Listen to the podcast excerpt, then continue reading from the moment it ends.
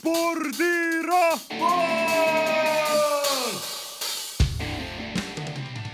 tervist, kallid Põltsamaa raadiokuulajad, spordirahvas alustab. mina olen saatejuht Marko Susi ja minuga stuudios on täna mees, kes on oma võrkpalluri karjääri jooksul võitnud kõikvõimalikud Eesti klubikarikad, võib nii öelda, ja mänginud ka välismaal kolmes klubis siis, et Šveitsis Biogaspooli Nähvelsis, Belgias Noliko Maseikis ja Küprosel Neasalamina Famagusta eest. ja kui te juba aru ei saanud, siis selleks meheks on ei keegi muu kui Taavi Nõmmistu, tere! tere päevast, rõõm, rõõm siin olla. aga noh, hakkame vaikselt pihta siis, et eh, viimati sa mängisid klubivõrkpalli kaks tuhat kakskümmend, kaks tuhat kakskümmend üks hooajal, et kas võib öelda, et eh, see peatükk sinu elust on läbi äh,? Aastaarvud õiged, äh, viimane klubi tõesti oli Küprosel ja, ja minuga läks küll nii, et pärast seda ma olen vist võrkpalli kätte võtnud äkki kaks korda, et äh, küllaltki järsult ja, ja konkreetselt, et kui, kui läbi, siis läbi. aga ma, elu on nii palju näidanud ja õpetanud, et äh, noh, lõplikult ei, ei saa öelda, et igasuguseid muudatusi võib tulla ja üllatusi ja, ja võib-olla kui veel aasta-kaks mööda läheb, tuleb äkki isu nii suur tagasi, et, et tahaks jälle mängida. okei okay., aga millega sa praegu tegeled üldse? Hetkel äh, olen sukeldunud sellisesse tavatöösse nii-öelda,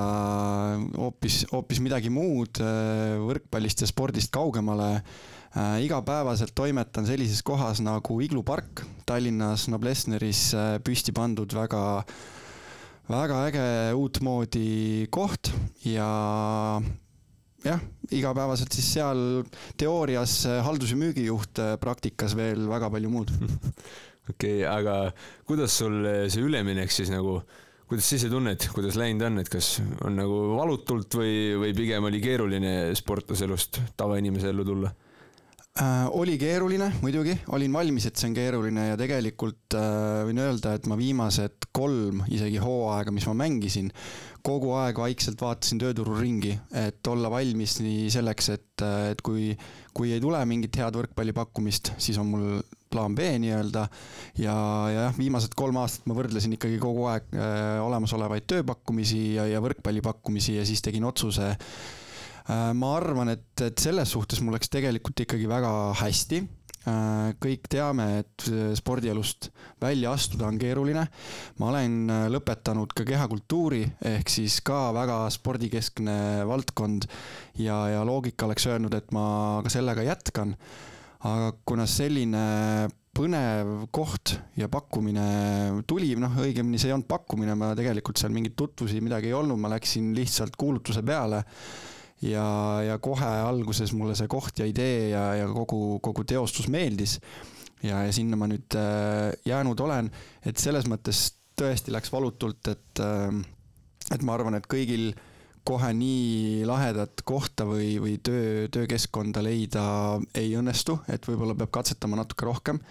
sest oleme ausad, et äh, kui sa oled kolmkümmend ja pluss vanuses ja sa lähed esimest korda elus äh, töövestlusele ja, ja su CV-sse ei ole muud kirja panna kui kool ja võrkpall, siis äh, ega, ega need väljavaated just väga head ei ole, kui su erialane kõrgharidus on ka spordikeskne. jah aga noh, nüüd vist oled juba ära harjunud sellega, et, et tavainimese elu jaa, ma arvan küll, et ära harjunud ja ega ta ei ole nüüd teab mis teine maailm selles mõttes, et, et sport on ette valmistanud tegelikult nii hästi selleks tööeluks, et see rutiinitaluvus ja kõik muu, mis on spordis, võib-olla tavaelus on isegi lihtsam ja, ja ma praegu küll väga-väga naudin seda elu ka okei okay., aga palju sa praegu üldse sporti vaatad, et kui vaatad,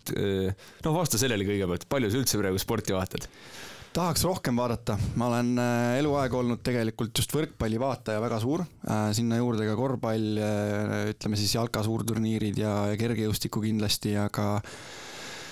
aga praegu kahjuks häbiväärselt vähe on aega vaadata, et kui aega üle jääb, siis rakendan seda pereellu, mida ka mitu aastat ei ole saanud nii palju teha, kui, kui vaja tänu välismaal olemisele aga üritan ikka vaadata Eesti asjaga, ennast kursis hoida nii palju kui võimalik ja, ja sõpru välismaal ka natukene ikkagi jälgida. okei okay,, ja kui sa vaatad neid mänge, siis eh, igatsus tuleb ka või? kusjuures ütlen ausalt, et äh, ei, ei ole väga tekkinud, ma olen nüüd mänginud siis pärast seda lõpetamist äh, kaks korda Põltsamaal, kusjuures ühe Vooremaa turniiri ja korra Toivo Uusna juubelimängu nii-öelda. et äh, minuga on selles mõttes lihtne, et ma, ma tean, et ma ei naudi seda võrkpalli mängimist, kui ma ei ole vormis ja selleks, et mina vormi saaksin, ma tean täpselt, mul läheb umbes viis nädalat väga-väga ränk rasket tööd, et nullist äh, saada selliseks, äh, sellisesse vormi, et see võrkpall kuulab sõna ja ma liigun nii, nagu ma tahan väljakul. Ja kuna see, seda aega mul praegu ei ole, et sellist vormi hoida ja seda pallipuudet nii palju saada, nagu mul vaja on, siis ma tean, et ma ei naudi seda, seda pallimängu, et, et jah, selliseid noh, nagu see Toivo Uusna mäng tegelikult siin Põltsamaal oli, selliseid asju on äh, tore teha aga et ma seoks ennast praegu poolprofessionaalselt või üldse amatöörina mingi võistkonnaga ja mängiks kas rahvaliigat, esiliigat või, või kuidagi äh, poolikult seda meistriliigat, et see ei ole kuidagi üldse minu teema ja, ja sellest, sellest ma olen nagu ära öelnud, jah. okei okay,, ja milline see ettevalmistus välja näeb? Äh, no kõigepealt loomulikult füüsiline, et äh, see on vaja paika saada, et jõuaks üldse väljakul äh, liikuda, nende kiirustega harjuda ja, ja et see pall lendaks nii nagu vaja. mul on äh, paar kogemust olnud niimoodi, kui ma pean hakkama kiiresti nullist ennast äh, vormi ajama.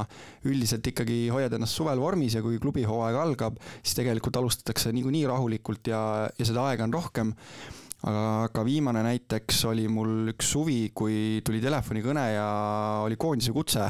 ja see kutse oli nii, et ole homme kohal. Ja mina loomulikult nautisin juba suvepuhkust ja, ja see ettevalmistus äh, võrreldes teiste meestega oli olematu. aga kohale ma läksin ja, ja see noh, treeningkoormus seal oli muidugi ränk raske ka minu kehale. aga umbes täpselt äh, ütleme seal kuu ja natuke peale ja tegelikult äh, siis juba oli täitsa võrkpalli moodi, et loomulikult hakkasime mängima seal kohe, aga aga nii, et ma ise juba nautisin ja rahul olin, siis selleks läks umbes viis nädalat, jah. okei okay., aga koondise juurde tuleme hiljem tagasi, aga alustame praegu algusest, et no kuidas sa üldse võrkpallini jõudsid? räägi sellest see on noh, huvit-, ma ei tea, kui huvitav lugu, aga, aga selles mõttes veider äh, mul ei ole mingit sporditausta ei suguvõsas, ei kuskil varem. ma ei käinud üheski trennis enne võrkpalli, üldse huviringe väga ei, ei jälginud, ei vaadanud. ja, ja sellega läks nii lihtsalt, et sõber Marko Toode, Põltsamaa poiss, tuli üks päev minu juurde, ütles, et läheks kuskile trenni. ja, ja muidugi ikka, lähme, kuhu, ei tea. ja piisas sellest, läksime Põltsamaa Ühisgümnaasiumi teadete tahvli juurde, vaatasime kuulutusi seal oli võrkpallikuulutus ja sellest piisas, et, et nii väike ja, ja pisike asi on tegelikult minu jaoks olnud nii suur elumuutus, et, et tänu sellele ma olen viimased peaaegu kakskümmend aastat tegelikult äh, süvitsi võrkpalli sisse läinud ja, ja see on ikkagi olnud suur osa mu elust ja, ja kõik sõbrad ja, ja kogu see asi sinna juurde ja, ja põhimõtteliselt võib öelda jah, et see algas täpselt sellest teadete tahvlist. no see on päris kihvt. aga kuidas sul alguses äh, trennis olid, kas olid kohe, noh, said kohe aru, et sinul on talenti või, või olid pigem teistest halvem ja pidid äh, ennast üles ehitama? ja ma olin kõvasti kehvem ikkagi, et, äh, et kattub natuke selle jutuga, et miks ma võrkpalli praegu ei mängi, et ma ei ole üldse tegelikult sellises mõttes loomulik nagu talent, et mõni vaatab peale, oo, pikk peenike poiss, et äh, võiks ju kõik nagu sobida, onju. aga tegelikult võrkpallis on nii palju muid asju, mis, äh, mis nagu rolli mängivad, et äh, neid ilusaid pikki poisse on läinud nagu raisku küll ja veel. et ei, ma olin, esiteks ma olin üldse kõige lühem võistkonnas väga pikalt mina tegin oma kasvamise kuskil seal põhikool ja gümnaasiumi algus ja väga kiiresti seal ütleme jah, ühe suvega ja, ja kõik sinnamaani ma olin tegelikult, ei olnud ei noortekoondiste vaateväljas, ma ei olnud isegi Põltsamaa võistkonnas selles mõttes äh, põhirolli kandev mees äh, kuni ütleme siis nende viimaste noorteklassideni ja viimaste aastateni. et, et selles suhtes jaa, au Toivo Uusnale, kes suutis midagi seal trennis õigesti teha, et, et ma sinna trenni jäin. et, et see roll kindlasti on treeneril suur et lõpuks siis äh, ka sellisest keskpärasest materjalist võib tegelikult enam-vähem mängumeest tulla aga, aga jah, et äh, kõik need esimesed aastad ma ikkagi kas pingipoiss või siis äh, kuna mehi oli vähe, siis, siis sain väljakule. okei okay., palju teil üldse poisse olid, kui ma väiksena trennis käisin, siis olid ainult need kolm aastat vanemad poisid ja minu vanust polnud üldse, siis ma üks hetk lõpetasin ka ära, sest et ei olnud enam, ei olnud tore. palju teil oli? see on see väikelinna paratamatus, et alati ei saa neid vanuseklasse hästi kokku ja tegelikult tuleb alati nooremaid juurde võtta vanematele, et üldse võistlustele minna. Ja, ja ka meil tihti trennid pandi kokku vanemate poistega, et oleks, oleks nagu midagi teha. aga meil ka esimesest päevast peale sattus äh, super hea punt, kellega ma tänase päevani põhimõtteliselt äh, igapäevaselt peaaegu suhtleme. et, et see näitab ka kindlasti palju, miks me sinna trenni jäime, et, et see punt nagu sattus hea, ütleme selline kahe-kolme aastakäigu poisid kokku, et äh, kõigiga me kogu aeg ei mänginud iga aasta samu vanuseklasse, aga ka trenni igapäevaselt väga palju koos, nii ja, ja ka trenniväline aeg tegelikult enamus aega koos okei okay., ehk siis võibki öelda, et seltskond pigem haaras sind nagu võrkpalli juurde, et või? jaa, kindlasti väga-väga suur osa, et, et sattus selline, selline hea punt ja ma arvan, et meid oli seal ikkagi sinna kümne lähedale, et see seltskond, kellega mina siis esimest päeva trenni läksime, läksime vist viiekesi äkki, et sealt järjest hakkas poiss ära kukkuma ja, ja võib-olla mina ja võib-olla üks mees veel tegid natukene pikemalt, aga, aga eks see noorteklassides väljalangevus on, on tegelikult suur, see on täitsa normaalne. aga, aga mingi selline põhi kuus-seitse, peaaegu kümme poissi jäi tegelikult aastateks. okei okay aga millal sul üldse tekkis soov võrkpalluriks saada, kas see oligi siis, kui kasvasid pikaks poisiks ja, ja said noortekoondisesse? mul on nagu kuidagi nii läinud, et ma ei ole ise neid plaane paika pannud, et neid asju on hästi palju minu eest ära otsustatud või, või kuidagi need on sülle kukkunud ja ma olen nendest võimalustest kinni haaranud, et äh, ma arvan, et see esimene selline kõrgemal tasemel mängimise mõte tuli siis, kui ma läksin Audentesesse. Aga see Audentes ei olnud ka minu mõte, et ma tahaks sinna minna või ma kuidagi taseme poolest oleks sobinud, vaid äh, keset kümnenda klassi õppeaastat langes sealt koolist välja äh, üks või kaks poissi ja sinna oli asendust vaja. ja, ja siis tollane treener Raul Reiter äh, võttis ühendust Toivo Uusnaga, et, et mina võiksin sobida, see oli see aasta, kui ma olin kasvanud siis hirmsasti täis oma pikkuse aga sinna ei olnud järgi tulnud absoluutselt võrkpallioskused, et selles mõttes ma olin ikkagi väga-väga toores. aga sinna Audentesesse sattudes äh, kui sul on ümber, ütleme, Selveri võrkpallivõistkond, tippvõistkond, keda sa iga päev näed, et siis sa oled selles suures võrkpallis nii palju rohkem sees ja see, see isu tuleb seal äh, küllaltki kiirelt, et äh, aga mul jah, see Audentes oli alguses üldse nii, nii veider, et mul ei olnud isegi positsiooni, mida ma mängisin, et ma, ma olin lihtsalt konkreetselt äh, hea pikk poiss aga kuidas sul kuidas sul mingi spordieeskujudega seis oli, et rääkisin suvel Aivar Annistega ja siis ta ütles, et ta luges Pele raamatut ja peale seda hakkas ilgelt trenni tegema ja oli väga motiveeritud, et kuidas sul oli? Või samamoodi otsustati sinu eest? Äh, ei ole üldse siukseid konkreetseid eeskujusid olnud, et äh, kui noh, noorena kuni lapsena need eeskujud tekkida võiks, siis meie ajal ei olnud internetis nii palju neid videosid teha, kui me üldse internetti saime, et et sealt seda materjali saada, raamatute lugemine ei olnud ka vabatahtlikult kuidagi eriti äh, kodune või et, et ma ei teinud seda, nii et et teadlikult mingeid eeskujusid äh, ei ole olnud, aga need on ikkagi tekkinud võib-olla hoopis hiljem ja, ja ka mitte konkreetselt, et ma nüüd tahaks kellegi moodi olla, vaid äh, vaid teatud asju võib-olla karjääri jooksul mingitelt inimestelt nagu üle võttes ja, ja järgides, et, et pigem selliseid nippe saades, jah. okei okay aga äh, räägi natukene noortekoondistest, et äh, kui vana sa umbes olid, kui sa esimest korda sinna sattusid? mis ta olla võis, ma arvan, et selline küllaltki noortekoondiste lõpus, et ma tegin seal võib-olla siis äh, noh, aasta-kaks, et mis ta siis olla võis seal kuusteist, viisteist, kuusteist, et küllaltki hilja, et selleks ajaks tegelikult need noortekoondised on toimetanud juba päris mitu aastat ja, ja meil oli selles mõttes huvitav äh, vanusegrupp veel äh, üheksakümmend üks sündinud, et, äh, et tegelikult need, kes said siis sinna esimesse kokku pandud koondisse selles vanuseklassis, nendest väga vähe jõudis ka lõpuni koondises olla, et seal võib olla Martti Keel ja Märt Pajusalu, kes olid nagu andekad ja juba noorena, aga põhimõtteliselt see noortekoondiste asi läheb ikkagi nii, et kes kasvab oma pikkuse varem täis, areneb ette ära, see on alguskoondises ja hiljem hakkavad siis siuksed minusugused äh, järgi tulema, et tegelikult see koondis muutus, äh, muutus väga palju. ja mina sain ja seal ikkagi lõpus, äh, see oligi siis juba selline Audentese aeg ja natukene võib-olla ennem ka teha nendega ikkagi,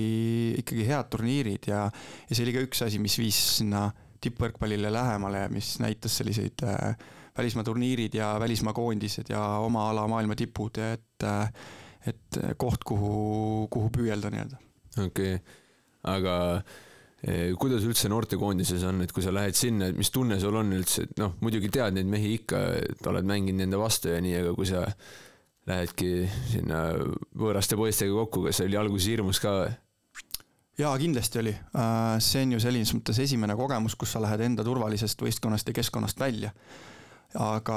aga see ongi see koht, kus, kus sa vaikselt hakkad seda õppima, et seda spordis on ju väga palju seda kohanemist ja ja võõras, võõras olukorras olemist, et, et see on see, kus see peab algama ja see on täiesti normaalne ja treenerid peavad sellega tegelema ja eks see, see ole kõigil nii, et need oled esimesed suurturniirid, MM-i, EM-i mingid valikturniirid, et et kindlasti noore poisina omaette oskus seda kuidagi taluda. okei okay., no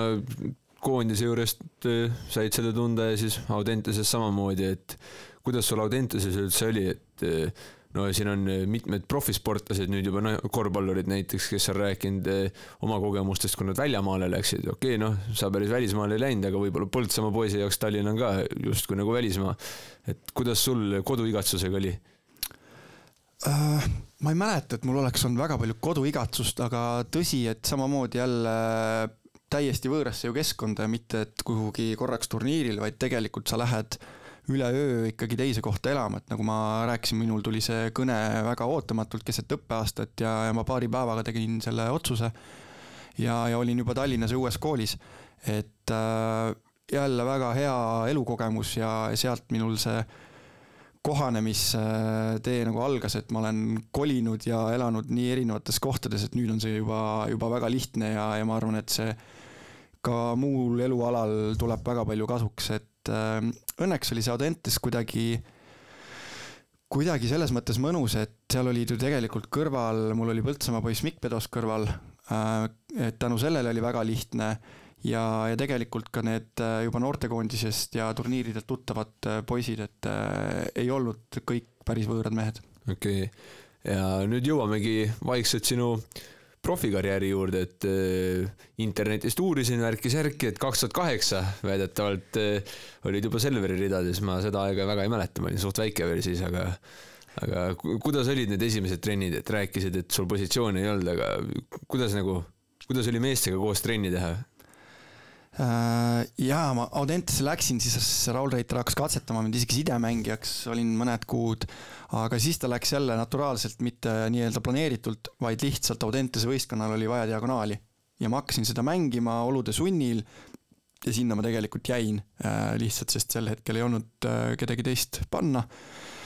ja lõppkokkuvõttes selles mõttes ma olen, ma olen rahul selle, selle valiku ja otsusega ja kaks tuhat kaheksa võis olla tõesti, kui sealt Audentesest juba pandi nimekirja, Selveri nimekirja poisse. me olime nii-öelda farm-klubi, me saime liigutada seal vahepeal mängijaid. Äh, käis mehi meiega trennis, see oli veel tegelikult mõnus aeg Audenteses, kui meil käis igapäevaselt mehi trennis, mis on noortele väga oluline ja kui vahepeal siis läks väga hästi, Selverist näiteks keegi puudus, haige, vigastatud, siis võeti meid sinna trenni. ja, ja ma väga hästi mäletan esimesi kordi meeste vahel, et samamoodi see ärevus ja oli ikkagi suur, sest et, et siis olid ikkagi meeste võistkonnad küllaltki mehised, et noortel, ütleme sellistel keskkooli poistel võistkonda saada ei olnud lihtne, neid võeti igasse võistkonda pingi otsa peale võib-olla kaks-kolm tükki. et äh, et selles mõttes oli see suur saavutus juba ja, ja väga käis selles mõttes võistlus, et kes, kes sinna trenni saab. Ja ma mäletan, üks esimesi trenne oli mul niimoodi, et kui meie olime õhtul jõusaalis oma Dentese poistega, siis Raul tuli ja kutsus, mul oli kang seljas veel, et äh, nüüd on vaja minna ja, ja otse, otse kangisaalist esimesse trenni ja, ja ma mäletan, seal oli selline mees nagu Jaanus Nõmsalu, kelle ma kohe plokis kinni panin ja siis olid selles mõttes äh, läks mänguks, et äh, seda ta nagu ära ei seedinud kuidagi ja nii jätta ei saanud ja meil läks ikka korralikuks võistlemiseks seal trenni lõpuni. kes peale jäi siis? no lõpuks ikka tema, ma arvan, et, äh, et ma tegin selle esimese ehmatuse, aga, aga sealt edasi ikkagi ta oli, ta oli päris heas vormis sel hetkel. aga kuidas üldse noore mehena äh, profiklubi juurde minna on, et äh, kas suured mehed tögavad palju või, või pigem võtavad kohe omaks äh,? See, seda tögamist on kõvasti, seda oli sel ajal, ma arvan, veel rohkem kui praegu, praegu ilmselt on asi palju rahulikumaks jäänud, sest see noorte osakaal on võistkonnas nii suur, et nendel on oma selline suurem punt aga siis oli palju, aga see ei olnud kunagi pahatahtlik, et, et see selles mõttes kasvatas, kui tegid lollusi, siis seda öeldi sulle otse ja selgelt välja. ja see oligi okei okay, selles mõttes, et sa ei, ei saagi keerutada seal ja, ja mingeid asju anti muidugi andeks, aga aga ei, mulle, mulle selles mõttes meeldis see, see otsekohesus ja et sind võeti nagu ikkagi võrdselt, et, et ega kui sa sinna meestetrenni saad, siis ega mingit allahindlust keegi ei peagi sulle tegema. jah yeah., aga vot seda, seda infot ma netist ei leidnud, et millal sa Selveri eest nagu juba, juba stabiilset mänguaega said mm,? eks ta ikkagi pärast keskkooli oli, et see keskkooli viimane aasta ka, kuna Modenteses ikkagi õppisin ja seal esiliiga nimekirjas olin, siis põhimängud ikkagi enamus hooaega on on seal esiliigas ja samamoodi käid siis aitad seal vahepeal äh, trennides. aga, aga seal, seal mingid mängud juba pidi, pidin nagu mängima, et äh, samamoodi neid vigastusi tekib ja, ja haigestumisi, et siis lihtsalt ei ole muud varianti, et pead, pead nagu kaasas käima ja, ja oli meil ju äh, jah, meil oli ka eurohooaeg, mida, mis nimekirjas ma ka olin ja sain sain ilusti kaasas käia seal, et, et see keskkooli, keskkooli lõpp jah, tegelikult viimane, mis, mis oli põhilisem Selveri aasta. okei okay., ja kaks tuhat kümme, üksteist eh, lõpetasid siis Selveris ära, läksid Tartusse, siis oli vist pereleib või? siis oli veel pereleib jaa. ja, ja siis kui, kui info tõele vastab, siis peale esimest hooaega muutus Bigpangaks, et kuidas Tartus olid, milline, kui sa võrdled nagu seda aega Selveri juures ja võrdled Tartut, siis kuidas oli sihuke klassikaline ajakirjaniku küsimus, et mis tunne oli? tunne, esiteks Tartusse minek oli üldse jälle nii väikeses asjas kinni, et äh, ma olin planeerinud juba Tallinnas põhimõtteliselt õppima jäämise, Selveris oli mul kehtiv leping, kõik tundus loogiline, et ma Tallinnasse jään. Äh, kuni siis suhtlesin äkki Rauno Tammega, kes oli Tartus sel hetkel juba, ütles, et nendel otsivad ka mingeid, mingeid mehi ja ja kuidagi jäi nagu selline jutt, et, et ma võiks ju Tartu Ülikooli ka õppima tulla. ja kuna tema siis klubibossidele andis selle nagu väikse info edasi, siis lihtsalt sellisest väiksest vestlusest tegelikult lükati see asi käima ja ja põhimõtteliselt osteti mind Selverist välja, mul oli mitu aastat lepingut tegelikult jäänud. aga osteti välja, see, see leping läks siis Tartus edasi ja need klubid olid tegelikult sel hetkel päris võrdsed, ma sain olla Selveris sel perioodil, kus Selver võitis viis aastat järjest kõik tiitlid Eestis, et seda väga tihti ei juhtu, nüüd Tartu teeb midagi sarnast, aga, aga on alles teisel aastal seda, seda sooritamas. Selver oli ülivõimas, Tartuga nad üldiselt finaale mängisid, et et selles mõttes see ei olnud suur kuidagi muutus, et äh, professionaalne ja kvaliteetne klubi oli, oli Tartus ka ja treeningtingimused kõik sinna juurde, et ja sama põhimõte, et tegelikult noori Tartu võistkonnas ka ma arvan, et meie esimene aasta ka sihuke kolm, kolm, võib-olla neli äh, nooremapoolset äh,, mis tähendas siis äh, prae-, meie mõistes keskkooli lõpetanud tegelikult juba meest, et praegu vaatad väljakule, siis need võib-olla ei, ei olegi enam nii noored, et et enamus võistkonnad on selliseid mehi täis. jaa, aga kui oligi vastasseis Selveriga, kui sa juba Tartus olid, kas siis Selveri fännid kuidagi äh, olid eh, pahased ka natukene või võtsid, et noh, pole hullu? ei, tead, sellist asja ei ole, Eestis on seda liikumist nii palju klubide vahel, et äh, vähe on mehi, kes on nii-öelda ühe klubi kuidagi, ühe klubiga seotuks jäänud, Tartus võib-olla Rait Rikberg ja seal Kevin Soo, et äh, kes pole kuhugi rännanud, aga aga üldiselt spordis ja võrkpallis eriti see trend on, et sa oled igas klubis aasta, võib-olla kaks ja, ja liigud edasi, et, et sinu enda äh, ambitsioon tõuseb, äh, klubi võib-olla ei saa sinna järgi tulla, sa tahad teistsugust rolli võistkonnas, et äh, neid muutusi on nii palju, et see on küllaltki loogiline, et tegelikult mehed ringlevad päris palju. okei okay,, aga kuidas üldse Eesti võrkpalliturul üleminekud on, et ongi nii, et räägid kellegagi ja tõmmatakse veski käima ja, ja? jaa, Eestis on see võrkpallipere nii väike, et põhimõtteliselt kõik käib otse, et siin mingit äh, ma kuulsin vist see aasta oli esimest korda, kui või eelmine aasta, sorry, äh, Eesti mängija vahetas Eesti-siseselt klubi läbi agendi. ehk siis natuke jabur, aga, aga noh, langes kokku jälle mingite asjadega, et äh, see oli minu arust kordas, kui ta läks äh, siis Tartusse. et, et võib-olla ta otsis juba välismaa klubi, tal oli agent olemas ja, ja kuna siis Tartu teda tahtis, siis pidi selle asja ajama vist läbi agendi, et okay. aga üldiselt on ikkagi nii, et Eestis ka enamus lepingud on üheaastased, suvel oled sa vaba mees ja, ja ise vaatad, kellega sul need plaanid kokku sobivad okei, ja Tartus olid kuni kahe tuhande kuueteistkümnenda aastani ja selle ajaga kaks eh, Balti meistritiitlit ja kaks Eesti meistritiitlit, et eh, kui sa nüüd eh, võrdled või noh, võtad kõik oma need Eesti tiitlid, mis sa võitnud oled, siis milline neist kõige südamelähedasem on? mul on nende tiitlite ja hooaegade ja nende meelespidamisega kuidagi hästi halvasti, et mul, nad ei ole mul kuidagi sellised noh, nii olulised, et ma nüüd ütleks sulle täna kellaaja ja kuupäeva ja et, et millal see juhtus, on ju, et äh, esimesed tiitlid ka kindlasti ei ole mulle nii olulised, sest minu roll võistkonnas oli oluliselt väiksem, ma sain, sekkusin vahepeal lihtsalt vahetusest või kui üldse. lõpus oli juba minu roll äh, läbi hooaja suurem, ma sain seal terveid hooaegasid, mingid põhijooajad isegi, kus me küllaltki noore võistkonnaga mängisime, ei võitnud me midagi,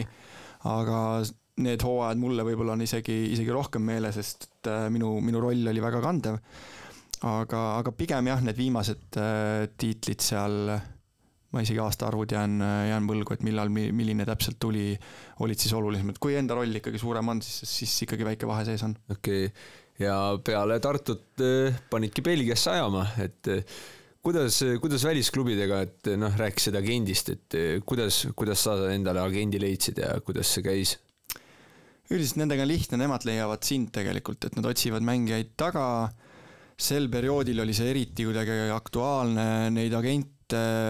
jumal teab, mis riikidest kirjutas noh, iganädalaselt või, või ikka mitu tükki kuus kes jälle tahtsid lepingut teha ja, ja lubasid maad ja mered kokku, et tule ainult ja, ja me, me, ma ei tea, lubame sulle viiekohalisi ja kuuekohalisi ja seitsmekohalisi summasid ja noh, mida kõike lubati aga lõpuks ikkagi suhtled teiste mängijatega, saad aru, et kes on nii-öelda paberitega agent, kes ajab päris asja, kellel on juba mingid mängijad äh, enne sainitud. et sealt see usaldus tekib ja ja mina arvan küll, sel hetkel esimene üleminek mul äh, tegelikult otseselt agenti ei olnud, et siis olid Eestis tegemas Tauno Lipp ja Meelis Kivisild agentuuri ja, ja ma lasin ennast sinna üles panna. aga väga mingit siduvat asja meil ei olnud, et pigem, pigem alustasime lihtsalt minu esimene üleminek tuli pigem ikkagi selle pealt, mängisime Tartuga eurosarja ja ma tegin Itaalias lihtsalt ühe, ühe superhea mängu, ma arvan, et siiani võib-olla elu parimaid mänge. ja see treener, kes Belgias siis äh, hakkas treenima, nägi seda mängu ja, ja jälgis seda, seda liigat nagu ja Itaalia võistkondasid. ja sealt jäi nimi meelde ja kui ta hakkas seda võistkonda kokku panema, siis tal umbes minusugust meest oli vaja ja, ja võttis ise otse ühendust. okei okay,, see on päris hästi siis aga kui sa võrdled eh, nüüd eh, seda maaseiki kogu ülesehitust, ma ei tea, treeningtingimused, elutingimused ja nii edasi, et eh, kui sa nüüd Eesti klubidega võrdled, siis kuidas oli, et öö ja päev ikka, jah? No ikka on jaa, eks rahakott määrabki selle eluolu. Äh, ja Maasseik tegelikult ta ei ole lihtsalt minu karjääris võib-olla kõige professionaalsem ja kõige paremate tingimustega, vaid ta on isegi maailma mõistes äh, üliheade tingimustega, et näiteks Rene Pan-, kes on käinud ka Maasseikis mängimas ja kes on mänginud ka Trentos ja, ja Poola tipus Äh, ütleb ka, et seal on äh, asjad väga hästi, äh, hästi paigas, ta on vanade traditsioonidega klubi, sul on oma saal, sul on seal vabatahtlik armee ümber, kes teeb sulle kõik ette-taha ära. et, et see oli selles mõttes tõesti koht, kus ma iga päev nautisin seda puhast võrkpalli, mis teha sai, et loomulikult oli raskeid hetki ka, sest et mänguaega oli vähe ja ja kõik sinna juurde, aga aga iga päev ma ikka sain aru, et mis, mis seltskonnas ma olen, mis tingimustes ma saan treenida ja olin, olin ikkagi väga rahul sellega. okei okay,, sel ajal oli sul oli sul juba pere ka, no väikseid pudineid? jaa, see oli täpselt see aasta, kui laps sündis tegelikult äh, ja läksimegi, kuna naine nagunii lapsega kodus, siis ta sobis ka minu plaanidesse nii hästi, et ma sain perega välismaale minna ja ja seal äh, selles mõttes oli, oli see esimeseks välishooajaks väga hea, et oli, oli keegi kaasas, sest et äh, ülejäänud kaks ma olin ikkagi üksinda enamus aega ja käidi, käidi lihtsalt külas nii palju, kui saadi. okei okay., ja kas klubi poolt tuli sulle ka siis mingi elamispaik või, või kuidas see oli? jah, see on ikkagi igas klubis, äh, et, et välismängija ikkagi endale elukohta otsima hakkama ei pea, et okay. Äh, kui siis väga erijuhtudel, et võib-olla kui see elu, elamispind ei, ei sobi ja sa tahad ikkagi midagi suuremat, kallimat, oled nõus ise juurde maksma, et siis otsid võib-olla kahe peale uue aga ei, üldiselt lähed käed taskus, eriti Belgiasse, sa saad auto, sa saad ilmselt ka söögid äh, vähemalt korra päevas, sa saad korteri ja sinu asi on lihtsalt tööd teha. okei okay,, kõlab päris hästi. aga vaatasin seda ka, et said meistrite liigas ka platsile ühes mängus. jaa, tõsi, äh, ka väike eesmärk, mis kindlasti oli, et see oligi mu ainus selline meistrite liiga hooaeg Belgiaga ja, ja Belgiasse mind muidugi ei võetud põhimeheks, see oli, see oli selge, see oli mulle selge ja see oli väga okei okay aga, aga oma võimalust ma seal sain ja see oli selles mõttes tõesti, ta oli raske, kuna, kui sa mitu-mitu kuud ei ole mänginud tegelikult eriti äh, mänge, väga üksikuid episoode, treeningmänge ja siis lükatakse üks hetk äh, meistrite liigas äh, põhikoosseisu, siis ega sealt nagu loogiliselt head nahka ei tule, eriti sellise klubi vastu, nagu oli Poolas Saksa, kes siis valitseb seal ka praegu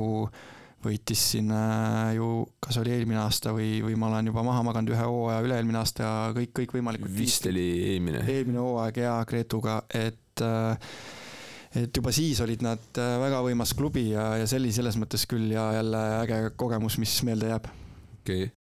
aga kui sa võrdled trennide ülesehitust Maaseikil ja siis noh, näiteks Tartul, et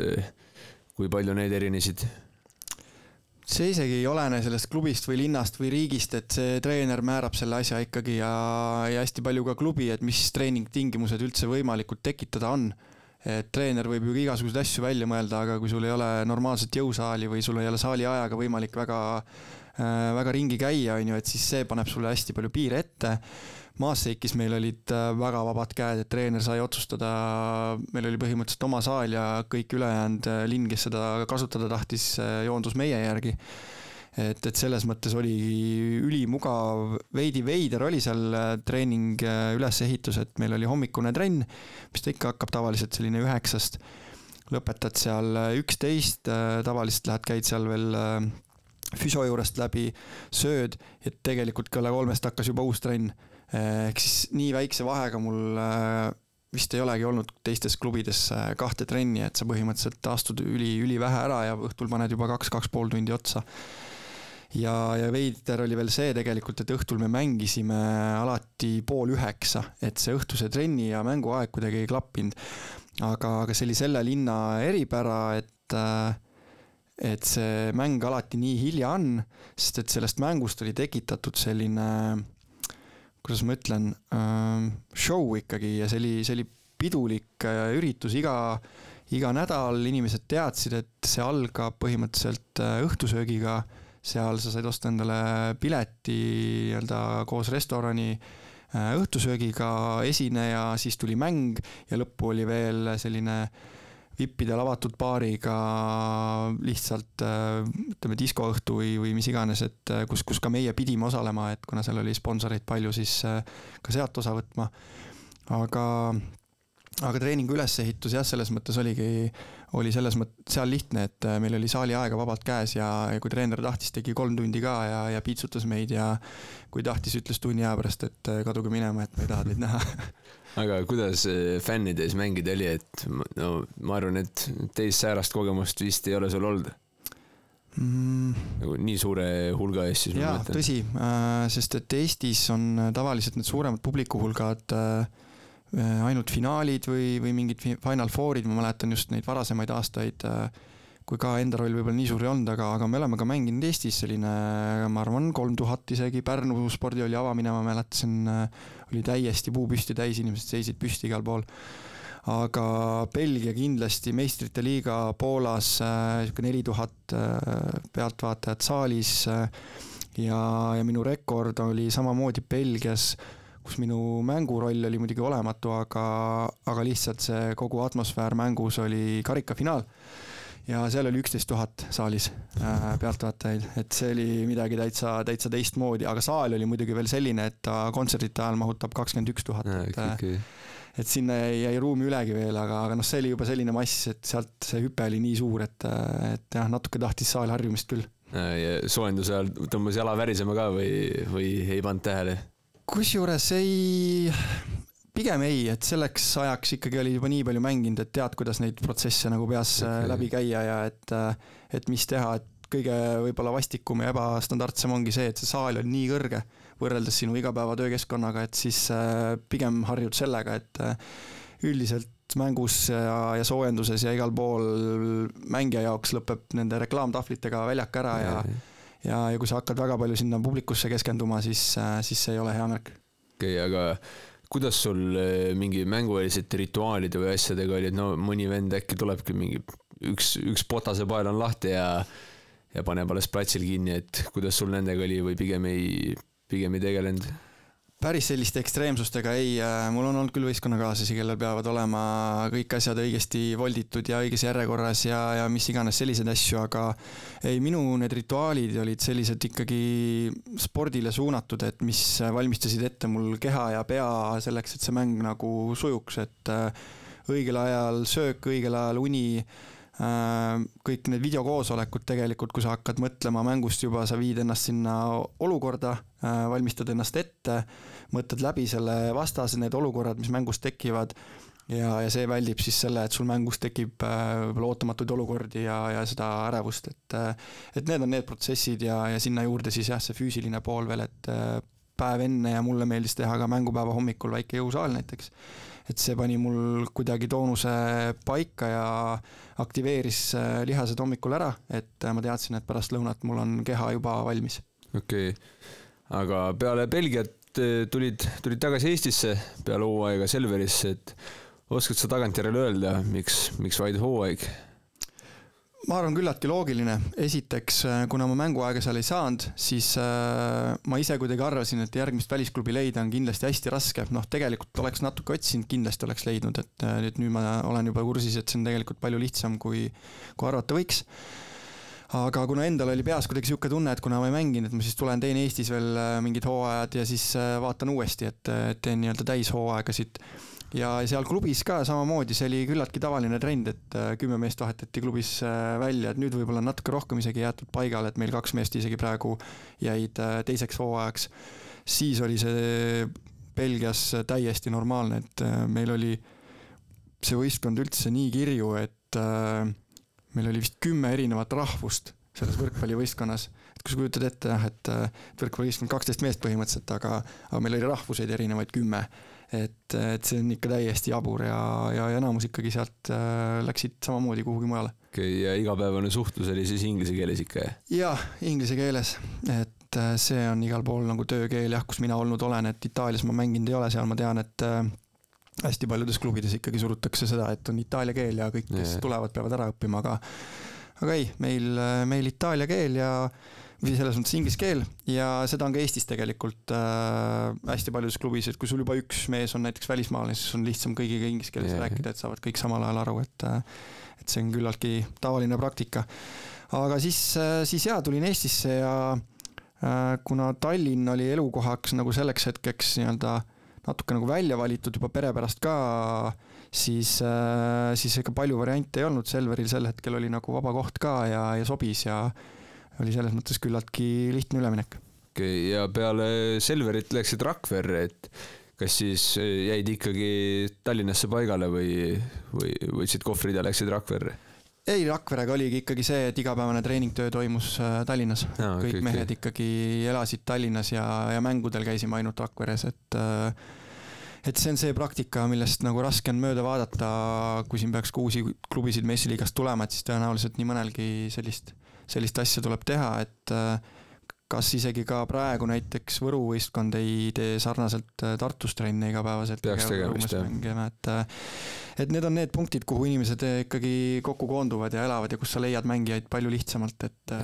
et vaevalt, et keegi nõus iga päev Tallinnast Rakverre oleks olnud sõitma. jah, aga kui sa võrdled kolm Eesti klubi, kus sa olnud oled, Rakvere, Selver ja Tartu, et mis neist kõige sümpaatsem oli? Ma arvan, noh, Selverid juba need kaks, millal, kus ma olin, olid nii erinevad ja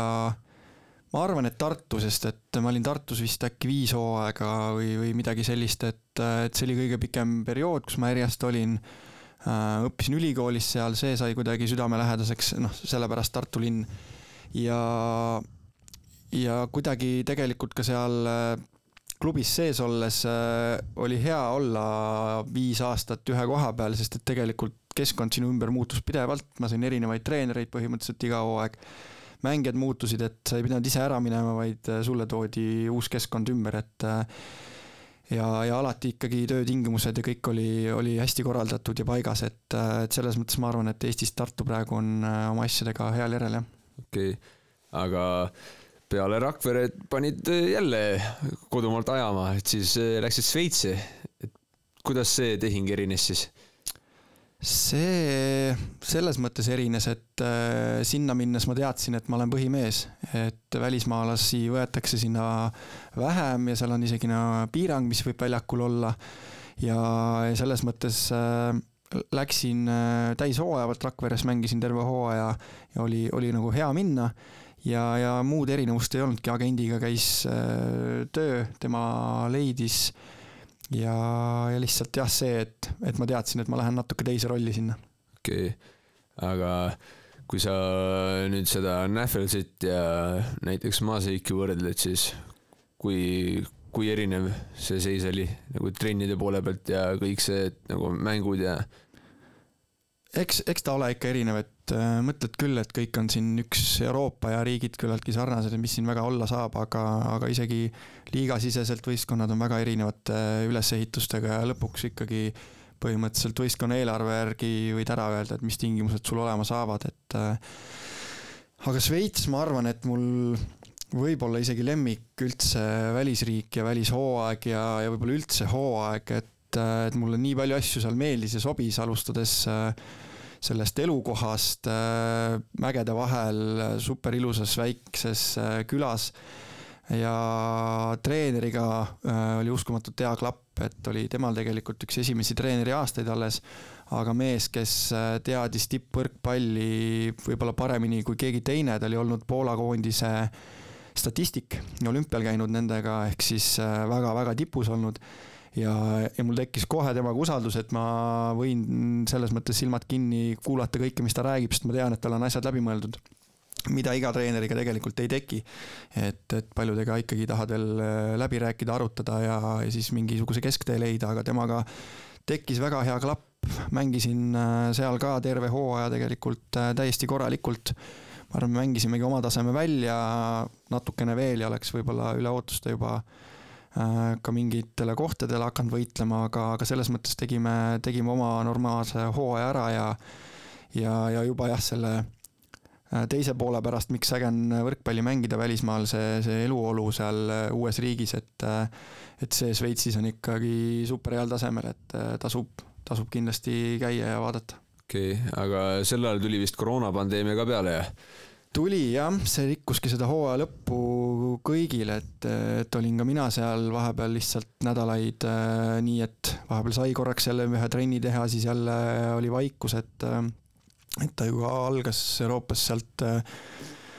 minust paarisaja kilomeetri kauguselt äh, Milanost ja, ja sealt piirkonnast ja, ja see ikkagi väga palju mõjutas jah, ja rikkus selle nii-öelda äh, lõpu ära, et oleks äh, võib-olla sealt veel midagi ilusamat teinud ja, ja ka järgmiseks hooajaks mingeid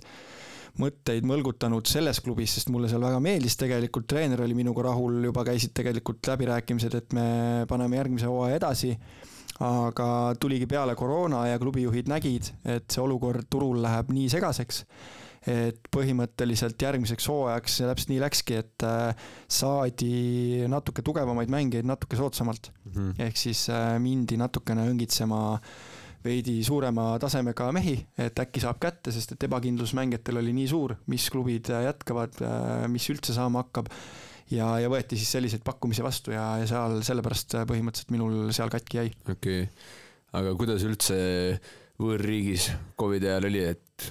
ega, ega vist väga palju teha ei olnud, istusidki toas ja vahepeal käisid jalutamas ja kui trenni ei, kui trenni ei toimunud ja nii edasi? jaa, need ütleme, algas ta siis oli Šveitsi hooaja lõpp, seal noh, väga palju midagi muud ei olnudki, istusime sõpradega, teiste võrkpalluritega, kes üle maailma laiali olid äh, videochatis ja, ja rääkisime juttu. ja ega muud väga ei olnudki teha, onju, et siis mingi hetk lasti koju ära ja, ja oli see Eestis tiksumine, aga uus hooaeg, kui kui läksin siis äh, Küprosele, siis see oli küll tugevalt ikkagi mõjutatud juba läbi hooaja, et mängisime terve hooaja ilma publikuta, mis on noh, sportlase jaoks ma arvan, kõige nürim asi üldse, et, et sa teed iga päev trenni ilma publikuta, siis tuleb mäng ja siis sa mängid jälle tühjas saalis. meie kodusaal mahutas viis tuhat inimest, noh, väga masendav oli seal mängida yeah. lihtsalt tühjade tribüünide ees.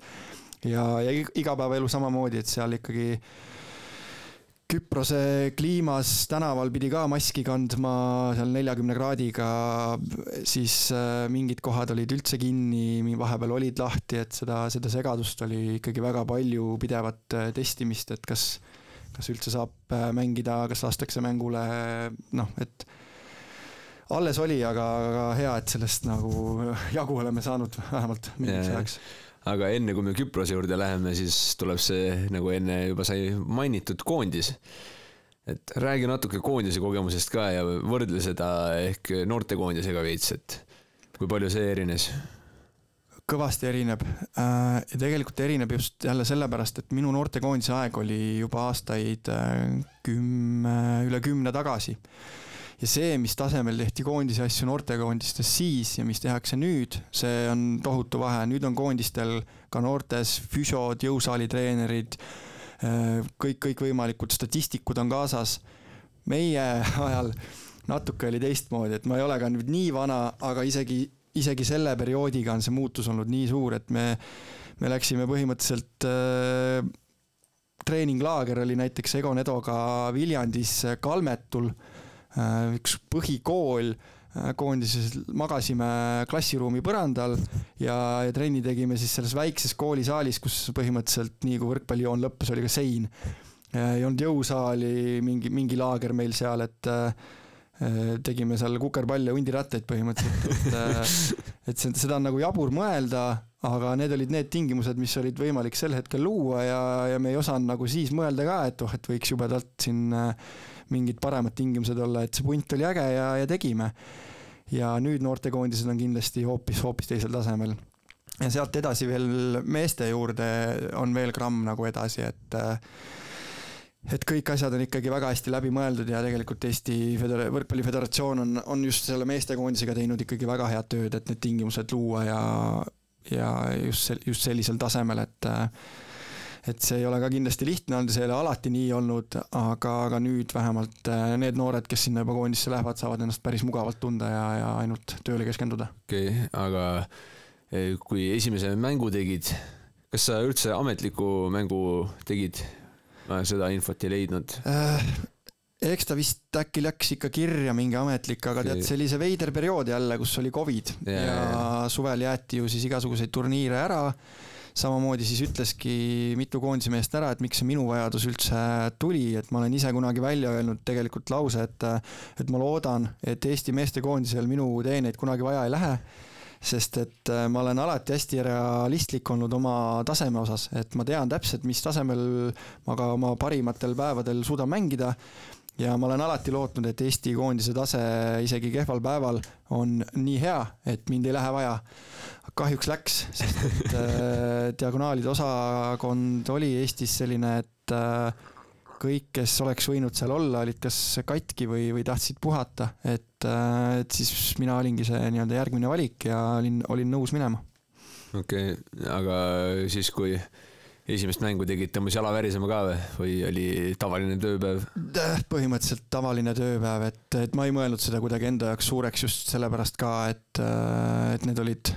esimesed olid nii-öelda nagu treeningmängud ja, ja jälle publikut ei olnud, et, ta ei olnud kuidagi midagi suurt ja erilist, et et tavaline tööpäev. okei okay. aga eh, peale koondist eh, läksid siis Küprosele ja see on siis eh, sinu karjääri viimane peatükk hetkel. et kuidas, kuidas seal läks? Hetkel viimane jaa läkski nii, et see oli siis nii-öelda juba see kolmas aasta, kus ma vaatasin tööpakkumisi ja võrkpallipakkumisi kõrvuti ja, ja arvasin, et ma äkki ikkagi enam ei, ei lähegi kuhugi aga siis tuli veel selline pakkumine ja minu jaoks ta oligi võib-olla huvitav äh, sellepärast, et ma teadsin jälle, minu roll võistkonnas on ülisuur, sest võetakse ainult võib-olla kaks välismaalast. kohalike tase on nõrk, ehk äh, ma saan seal suure koormuse. ta on riigina ja võrkpallikultuurina nii teistmoodi nendest näiteks Šveitsist ja Belgiast ja, ja meie kultuurist siin võrreldes et just sellepärast, et, äh, et minu ideaalvariant oleks üldse olnud minna Euroopast välja, kas Aasiasse või, või kuhugi, kuhugi veel mujale, aga, aga neid variante tol hetkel ei olnud ja, ja siis ma mõtlesin, et ma selle Küprose veel, veel ikkagi teen, et ta on midagi väga huvitavat sinna, sinna karjääri lõppu võib-olla, et sel hetkel ma muidugi ei mõelnud veel lõpetamise peale, aga aga ta, ta sobis sinna sel hetkel, jah okei okay,, aga siis, kui perest eemal olid välismaal, et kuidas sa oma aega sisustasid? Oh,? Äh, ma olen selles mõttes kohutav mingi filmivaataja või ma, ma nagu ei suuda vaadata, et äh, ma arvan, et ma olen vähe filme üldse elus algusest lõpuni vaadanud, et äh, ma väsin kuidagi ära vahepeal ja et, et natukene võib-olla loed, aga, aga pigem olen ma selline võõras riigis kindlasti ringirändaja, matkaja, linna peal jalutaja, kohvikutes istuja et, et pigem ma käin avastamas Šveitsis, väga lihtne, istud autosse, sõidad mägedesse nii palju, kui tee kannatab ja,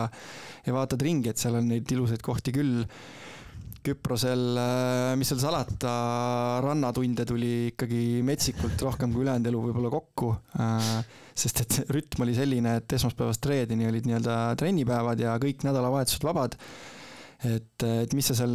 väga palju muud ikka teed, et äh, välismaalasi seal võistkonnas oli, oli ka vähe ja kohalikud olid tööinimesed, nemad ka väga palju midagi vabal ajal enam teha ei viitsinud. Et tuli, tuli ise tegevust leida ja õnneks Küprosel jah, terve aasta ilm oli nii hea, et ma põhimõtteliselt sain iga päev rannas käia. okei okay,, aga kuidas sul üldse nendes võõrtiimides eh, mingi seltskonnaga oli, et kui noh, okei okay,, mingi Belgias oli, ma arvan, et seda nagu lihtsam luua, kui olidki kõik olid võõrad mehed koos, aga kui Šveitsi või Küprose pealt vaadata, et kuidas, kuidas seal oli? Eks ta välismaal üldiselt nii tekib, et kes on välismaalased selles riigis, äh, nendel on vaba aega rohkem ja kuidagi hoiavad rohkem kokku. ja, ja kes on siis kohalikud, äh, need, nendega noh, igas võistkonnas tekib alati mingi selline üks-kaks meest, kellega võib-olla rohkem suhtled ja, ja ka Eestis tegelikult sul võivad olla kõik eestlased, aga aga tegelikult tekib igas võistkonnas sul võib-olla üks-kaks sellist head sõpra ja, ja kellega sa nagu lähemalt suhtled, aga, aga üldiselt on see igal pool küllaltki sarnane, Belgias veel võib-olla kõige lihtsam tõesti, et kui meil oligi, ma arvan, et seal jah,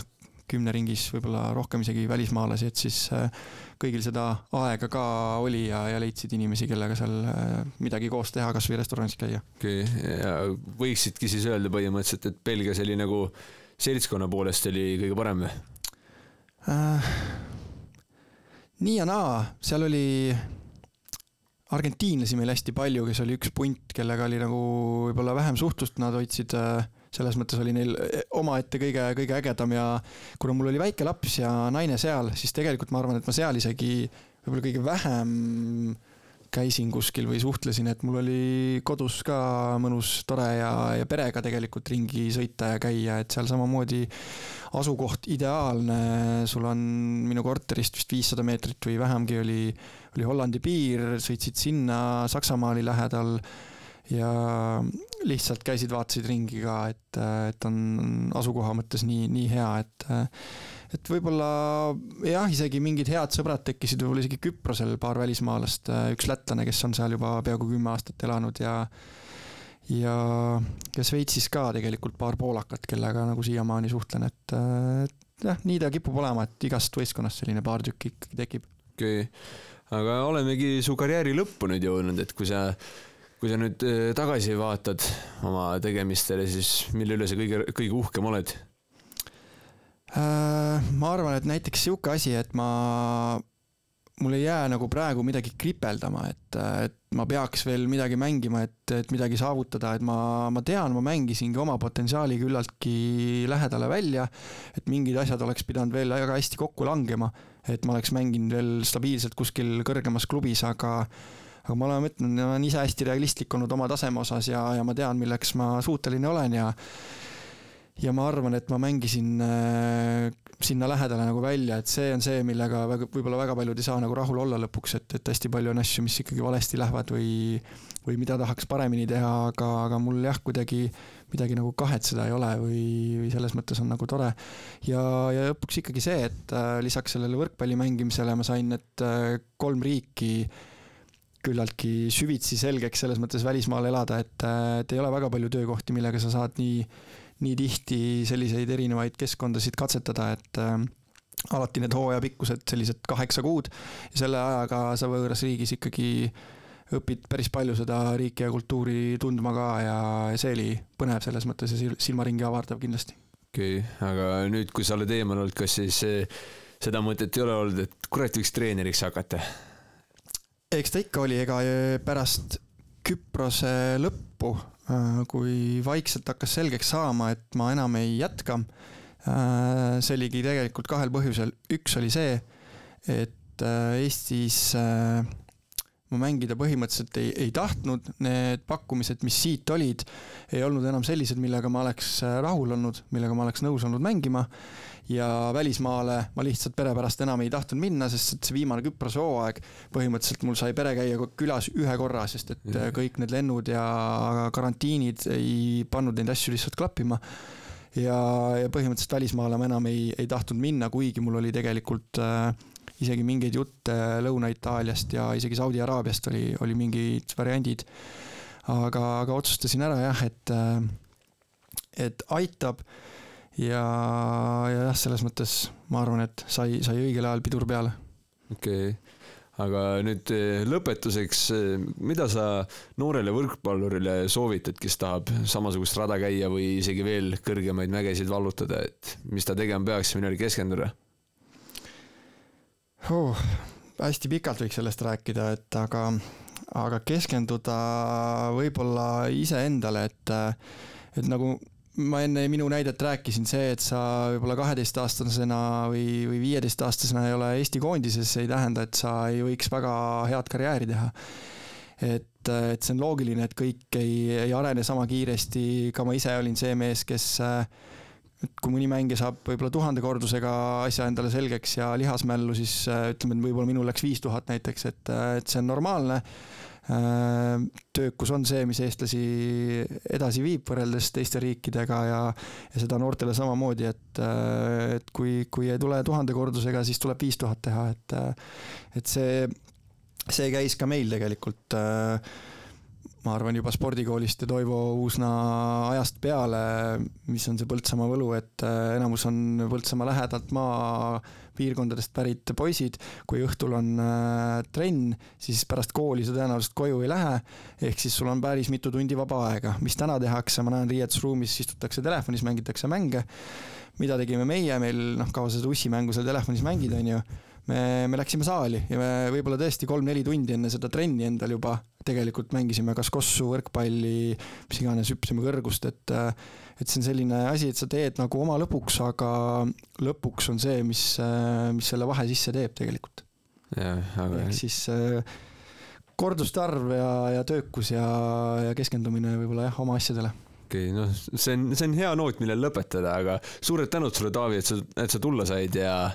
ja edu edasistes tegemistes. aitäh kutsumast ja kuulamast. aga aitäh ka teile, kallid kuulajad ja nägemist, olge tublid. olen astronaut. olen valmis lendama kuule, olen šokolaad I'm a soul.